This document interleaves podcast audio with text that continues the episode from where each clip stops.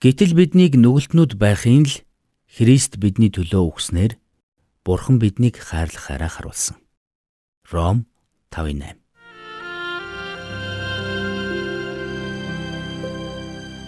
Мэргэний сонсог, мэдлэгийн тэлэг. Ухаалх нь мэрэгэн өдөр төмжийг мөн авах. Доктор Харалт цаалогийн мэрэгэн зөвлөмж нэвтрүүлэг.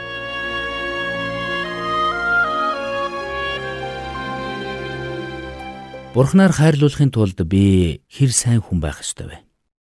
Хизээ нэгэн цагт та өөрөөсөө ингэж асууж байсан уу? Саяхан манай нэгэн сонсогч ийм загтал илгээсэн юм. Тэрээр баг насандаа авсан сэтгэлийн шархыг нь бурхан бүрэн гүйцэд эдгэж чадах эсхийг биднээс асуусан байлаа. Түүнийг баг байхад эцэг их нь түүнийг огт хайрладаггүй байжээ. Тиймээс түүнийг айлд урчлуулсан байна. Харин түүнийг урчилж авсан эцэг их нь түүнд хэрвээ чи сайн хүүхэд байвал бид чамайг хайрлана гэж хэлсэн байна.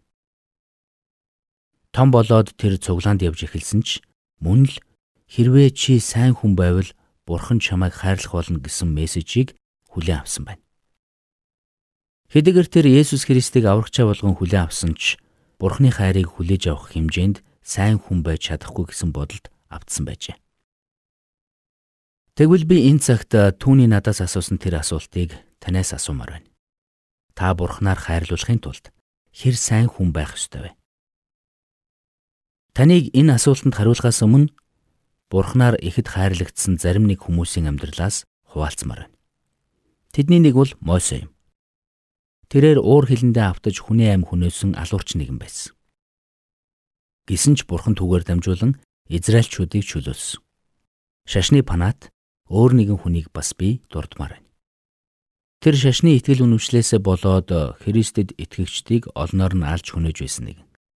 Хэдийгээр тэр Бурхны дайсан боловч Бурхан түүнийг хайрлаж өөрийнхөө агуу илж болгосон. Тэр хүн бол Тарсын Саул байснаа Бурхны илж болсон Паул юм. Тэгвэл та Бурхнаар хэрэглэгдэхийн тулд хэр сайн хүн байх ёстой вэ? Ерийнхо хотыг тагнахаар очисон хоёр хүнийг авчирсан янхан эмэгтэй. Рахабыг биеинд бас дурдъя.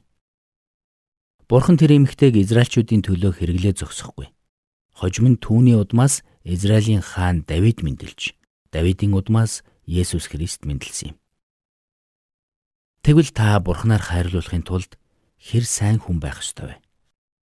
Би танд маш энгэн нэрэлье. Та өөрийгөө хэр сайн эсвэл хэр муу хүн гэж бодох чинь таныг хайрлах Бурхны хайртай огтхон ч холбоогүй юм. Бурхан таныг ямар адгийн гимн үлтэй байхаас үл шалтгаалаад үргэлж хайрладаг. Энэ агуу үннийг Библийн хуудас бүхэн бидэнд гэрчилдэг. Мэдээж бурхан таны гим нүглийг үзен яддаг. Гэхдээ тэр таныг хувь хүний чинь хувьд химжээлшгүйгээр хайрладаг. Үнэн дээр та хичнээн хичээсэн ч бурхны хайрыг хүртэх хэмжээнд сайн байж чадахгүй. Гэхдээ бидний азуулахад бурхан биднийг хайрлахдаа ямар нэгэн нөхцөл болзол тавьдаггүй. Та түүний нөхцөл болзолгүй хайрыг хүлээж авахд л хангалттай.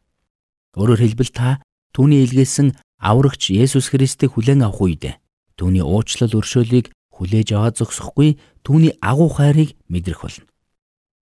Та бурхантай хувьчилсан ойр дотн харилцааг тогтоож чадна гэдгийг мэдэх үү? Бурхан таныг юм нүглийг бүрэн уучлсан гэдгийг батлах бодиттой баталгааг мэдэрч чадна гэдгээ мэдэх үү? Биднийг Есүс Христэд итгэх үед Бурхан бидний зүрхэнд сүнслэг мэс заслыг хийж бидний зүрхэнд байсан шарх сорвийг бүрэн эмчилдэг. Тэр бидний нүднээс харуулслын нулимсыг арчиж хайдаг. Харин түүнийг энэ агуу ажлаа таны амьдралд хийх эсхийг гагцхүү таал өөрөө шийднэ. Бурхан бидний амьдралд тэрхүү агуу ажлаа хийхийг бид хэрхэн зөвшөөрөх тухай үүлэхтэй Илч Паул хэрв та Есүсийг эзэн гэж амаараа хүлээн зөвшөөрч Бурхан түүнийг үхсдээс амьлуулсан гэдгийг зүрхэндээ итгэвэл аврагдах болно хэмээн сануулсан юм. Бусад хүмүүс таны амьдралыг сайн мэдэхгүй байж болох ч Бурхан хинээс ч илүү мэдэж байгаа. Тэгвэл та Бурханы хайрыг хүртэхийн тулд хэр сайн хүн байх ёстой вэ? Үнэн дээр та хичнээн сайн хүн байсан ч эн чинь Бурхан таныг хайрлах шалтгаан болж чадахгүй. Учир нь биднийг хайрлах Бурханы хайр нөхцөл болзолгүй юм. Тиймээс бид зүгээр л мөнхийн амийг бэлэг химэн хүлээж авахт хангалттай юм. Бурхан ертөнцийг үнэхээр хайрласандаа цорын ганц хүүгээ өгсөн тул хүүд итгэдэг бүхэн мөхгүй харин мөн хамтай байх болно. Энэ ишлэл жухамдаа танд л зориулагдсан ишлэл юм шүү.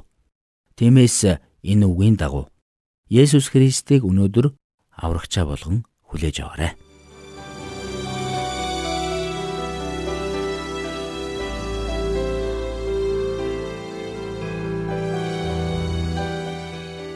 Мэргэн нэгнийг дагвал мэргэн Мулгуутай нөхөрлөл хорлол. Доктор Харалт Салигийн мэрэгэн зөвлөмж нэвтрүүлгийг танд хүргэлээ.